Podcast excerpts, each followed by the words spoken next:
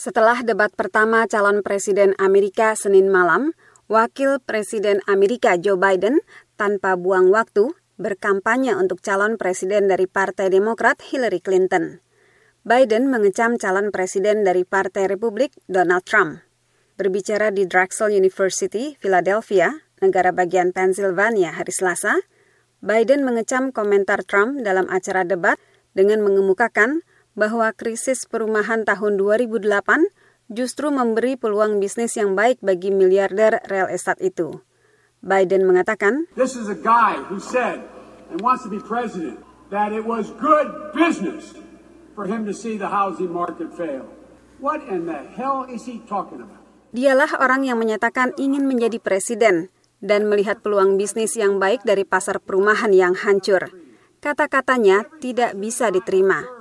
Dengar ya, saya sudah berkarir selama delapan presiden, ada hal-hal yang saya setujui dan tidak setujui, tetapi selama saya mengabdi, setiap presiden, termasuk presiden dari Partai Republik, mempunyai landasan moral yang dijunjung sebagai orang Amerika, memahami apa yang seharusnya kita lakukan mengenai hak-hak asasi.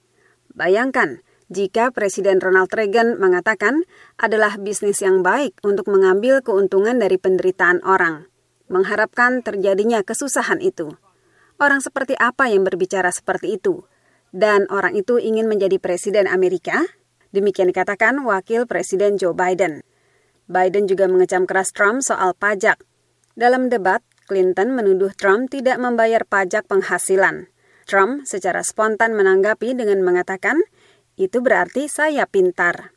Menurut Biden, apa yang dikatakan Trump itu adalah tamparan bagi orang-orang yang bekerja keras dan membayar pajak.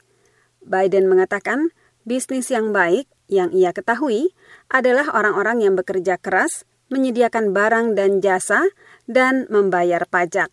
Sementara itu, Ketua DPR Amerika, Paul Ryan, yang mendukung Trump, kepada wartawan mengatakan, Hillary Clinton membela status quo yang tidak disenangi oleh 70 persen warga Amerika. Menurutnya, Trump memberi suara baru bagi orang-orang yang tidak menyenangi status quo.